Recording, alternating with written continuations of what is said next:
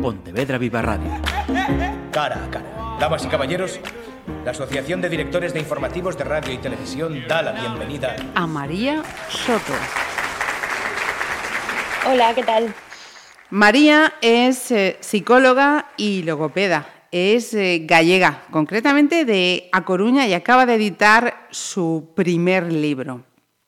Quienes escuchéis esto y seáis padres, madres, tendréis claro que mm, no se viene aprendido para ello, que, día a día se va aprendiendo. Así que quiero pensar que este programa puede, puede servir al menos un poquito de, ayuda. Este libro que decía que acaba de, de, editar María Soto se titula Educa Bonito, igual que su blog y que el proyecto que había fundado, que creo entender, María, está basado en la disciplina positiva. Así que te voy a pedir, por favor, que, nos cuentes qué es esto de la disciplina positiva. Bueno, pues eh, esa es la gran pregunta que me están haciendo últimamente porque, claro, eh, está avanzando mucho, o sea, es, una metodología que se está poniendo mucho de moda, afortunadamente, y mi proyecto se llama Educa Bonito porque yo aprendí eh, a educar y a transmitir la disciplina positiva entendiendo precisamente que no se puede educar bien. Educar bien no existe, hacer las cosas bien 100%, ser perfectos y no equivocarse no existe. Entonces yo dije, bueno, si lo hacemos bonito, aunque fallemos, pues por lo menos saldrá un poco mejor, ¿no? Entonces además es como una especie es una especie de de redundancia, ¿no? Porque educar es lo más bonito que vamos a hacer, ¿no? Entonces, la disciplina positiva es una metodología em, que está muy estudiada, tiene más de 40 años y no es simplemente una idea, o sea, no es educar en positivo, que se está confundiendo un poco por ahí, no es una, no es una corriente de yo quiero educar eh, así como con mucha positividad a mis hijos. No, es, es, como aprender un idioma nuevo. Hay una manera de aprenderlo, tiene una teoría, tiene una argumentación científica y tiene unas herramientas que hay que aprender a utilizar. Por eso las formadoras y los formadores tienen también un proceso de, formación, por así decirlo, para poder transmitirlo, porque eh, nosotros estamos acostumbrados al conductismo, que es la, pedagogía en la que se nos educó a todos nosotros, que está basada en el condicionamiento, en el castigo y en el premio. Entonces, nosotros como padres, también como hijos, solo recibimos esas herramientas. Como padres son las herramientas que utilizamos. ¿Qué pasa? Que hoy en día estamos viendo ya que no funciona. Tú, si castigas a tus hijos, tienes que estar castigándoles toda la vida. Si el castigo funcionara, los castigas una vez y ya está. Pero el ser humano no está, no está pensado. El cerebro humano se está conociendo ahora mucho más y se, eh, ha demostrado que, no aprende por condicionamiento, no aprende por castigo, por premio. Eso es un amaestrado. ¿no? Entonces, educar realmente requiere que, las personas que educan, en este caso a los adultos, a los niños, eh, entiendan cómo funciona el cerebro. O sea, entiendan qué pasa en el cerebro humano cuando recibe una orden, qué pasa en el cerebro humano. Y eso, como padres y como madres, no, no lo sabíamos, no teníamos esa información. Nuestros padres tampoco lo sabían, etcétera.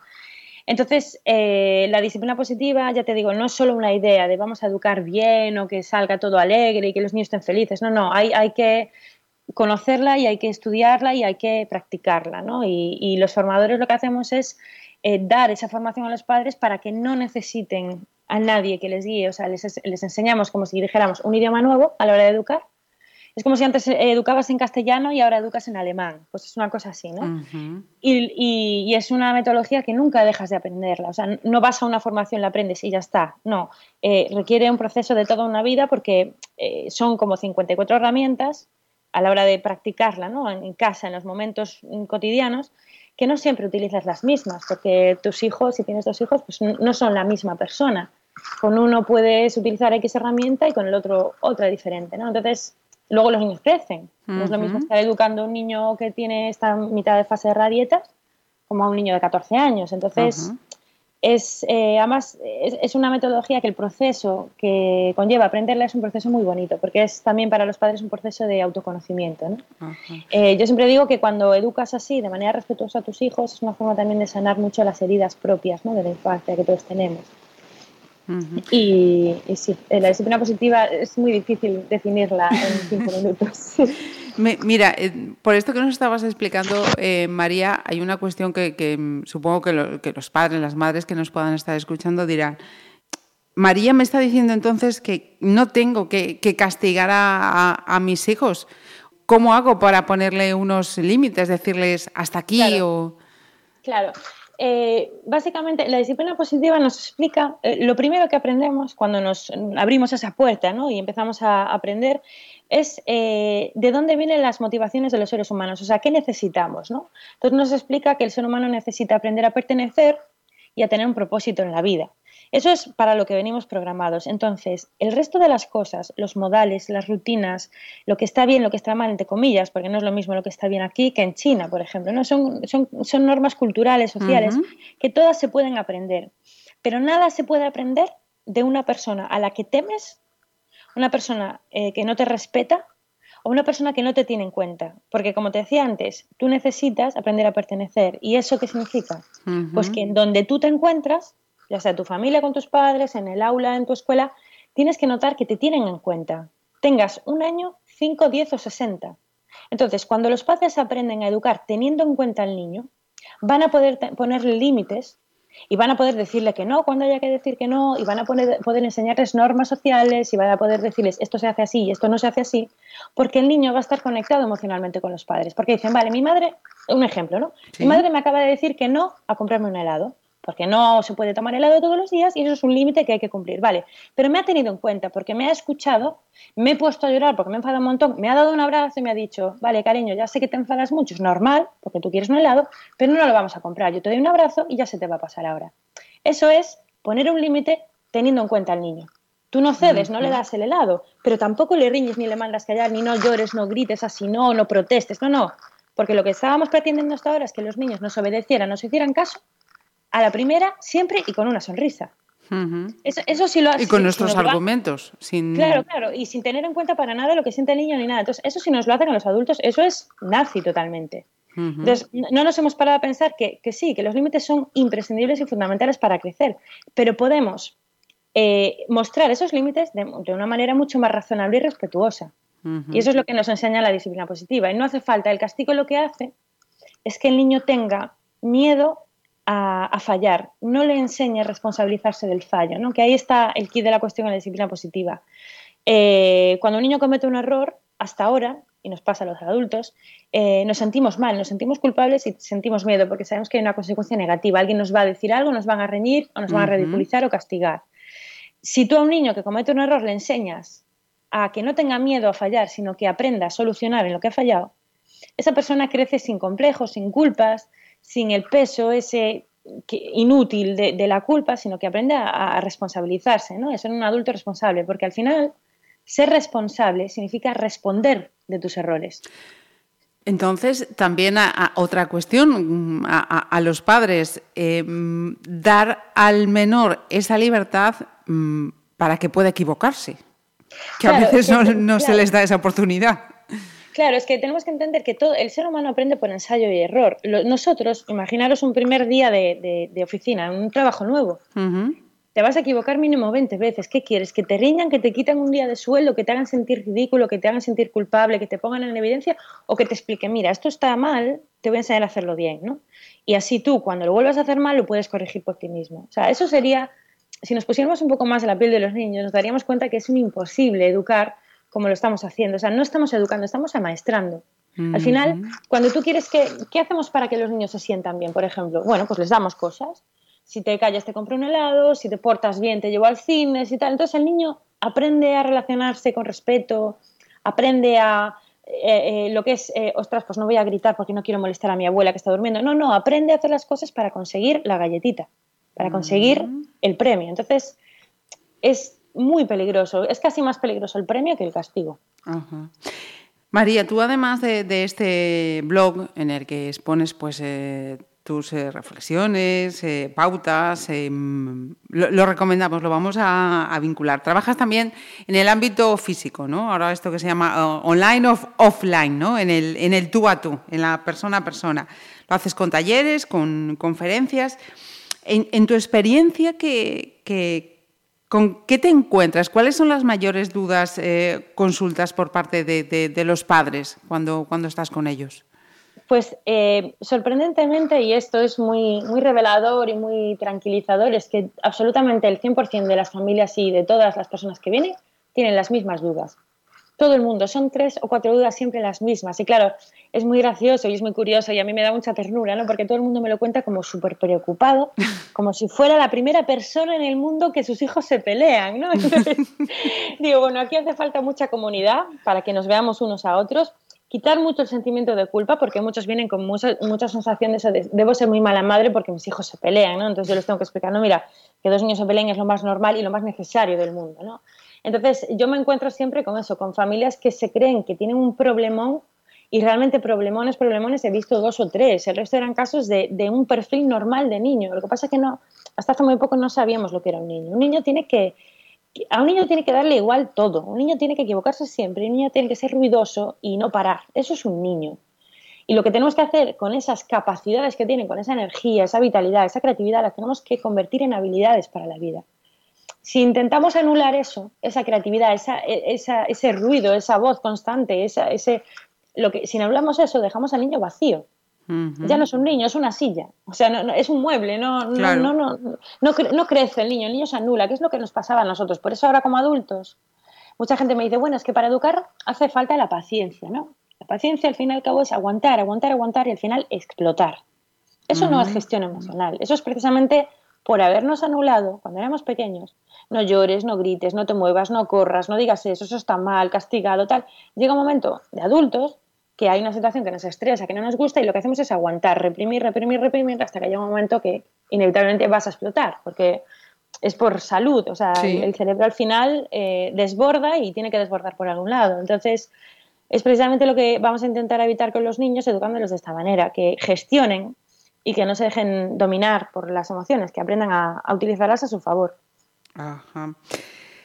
Em, este libro que acabas de, editar, eh, Educa Bonitos, se, podría decir que es como, como un manual para que los padres consulten eh, este método a, su ritmo. O, ¿Cómo lo, tenemos que abordar?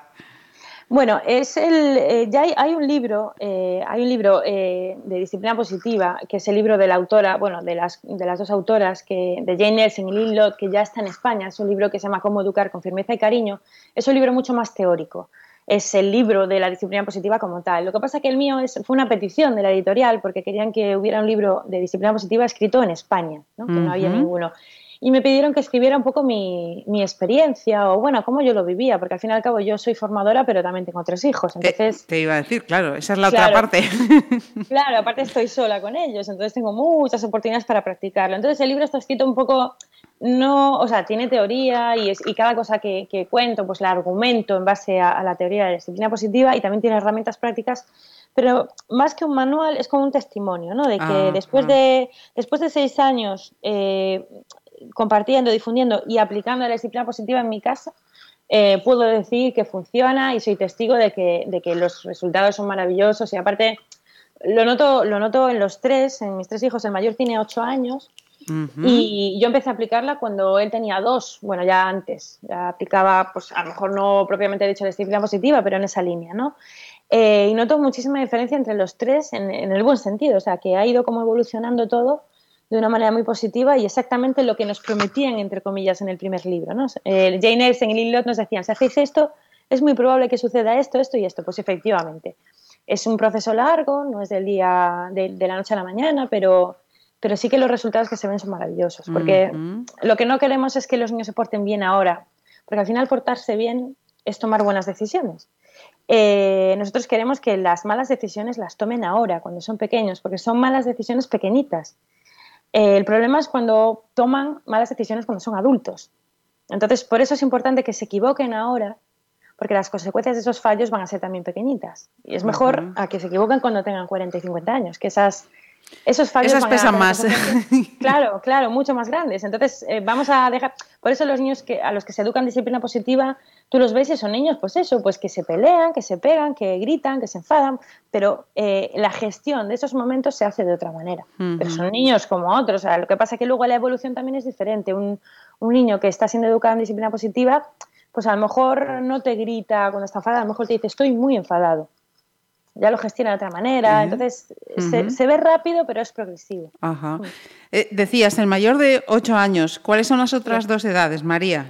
Pues la, mediana tiene 6 y el pequeño tiene dos y medio. Ajá. Y mm, como madre, em, porque decías, eh, el respeto mutuo, ¿no? Entre el adulto y, el menor. Eh, esa, em, ese camino de aprendizaje paralelo, digamos. María, ¿qué, mm, ¿qué ha aprendido o qué te han enseñado estos tres peques? Eh, bueno, lo que, lo, que, lo que yo sentí cuando fui madre por primera vez, yo la verdad es que no, como no conocía esta filosofía ¿no? de vida, eh, con mi primer hijo yo siempre cuento lo mismo, que es que, pobrecito, lo sufrí. O sea, lo sufrí, ¿por qué? Porque yo quería hacerlo bien. Quería hacerlo bien, quería hacerlo perfecto, quería no equivocarme, quería que no llorara, quería que... Y fue, fue realmente traumático, o sea, fue una experiencia de maternidad, no, no fue bonita. Eh, en cambio, cuando nació mi segunda hija, que ya ahí fue cuando encontré la disciplina positiva, me di cuenta de que, de que el, el fallo es lo que nos hace humanos y lo que es necesario para crecer. Entonces, eh, a raíz de fallar yo como madre, porque ya me relajé muchísimo más y ya dije que a mis dos hijos pequeños los he disfrutado muchísimo, el mayor se lo tengo ahí, le tengo esa deuda de por vida, pero, pero sí que lo que me han enseñado es que cada vez que fallamos, fallan ellos, fallo yo, es al final acabamos riéndonos todos.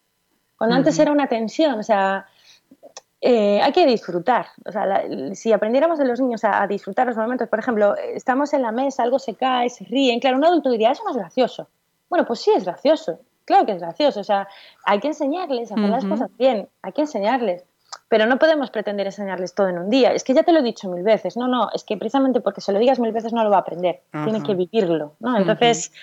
Eh, yo he aprendido con ellos eso, a, disfrutar los momentos más que pretender que sean momentos perfectos y, a sacar aprendizaje de todos los momentos. Cuando hay caos absoluto, porque en mi casa hay caos muchas veces, como en todas las casas del mundo, y hay, hay malos momentos, como en todas las casas del mundo, eh, al final siempre digo la misma frase, que ya la dicen ellos a veces, es, ¿qué hemos aprendido de todo esto? Ha, ha pasado esto, ha sido un follón, nos hemos peleado, tal, yo he gritado, tú le pegaste, tal, vale, ¿y qué hemos aprendido? Pues esto, esto y esto, vale. Y, efectivamente la, siguiente vez de caos, en el siguiente, el siguiente, la siguiente guerra mundial es un poquito más pequeña, es un poco más leve, ¿no? Entonces es, así, es, ir poquito a poco. Mm. Pues eh, si os ha suscitado curiosidad, si queréis eh, sumaros a este método, María, ¿dónde encontramos eh, Educa Bonito? ¿Está ya en las librerías, entiendo? Sí, está ya. Yo he tenido muchísima suerte de que, de que bueno, eh, haber podido escribir para la editorial que, me llamó y afortunadamente ellos se han movido muy bien y, está en todas las librerías, está en Amazon, está en, bueno, estará en bibliotecas en un futuro, entonces eh, está por todas partes básicamente ya. Yo estoy muy, muy agradecida. Pues eh, nosotros también estamos agradecidos de que nos hayas acompañado este ratito, nos hayas explicado todo esto.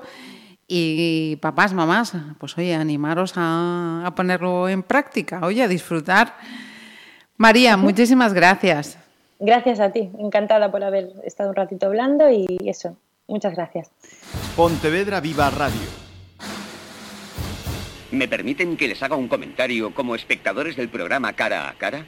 Según un reciente sondeo de mercado, ustedes disponen de estudios e inteligencias superiores a la media. Sus intereses abarcan desde la actualidad mundial y la ciencia hasta el deporte y los espectáculos.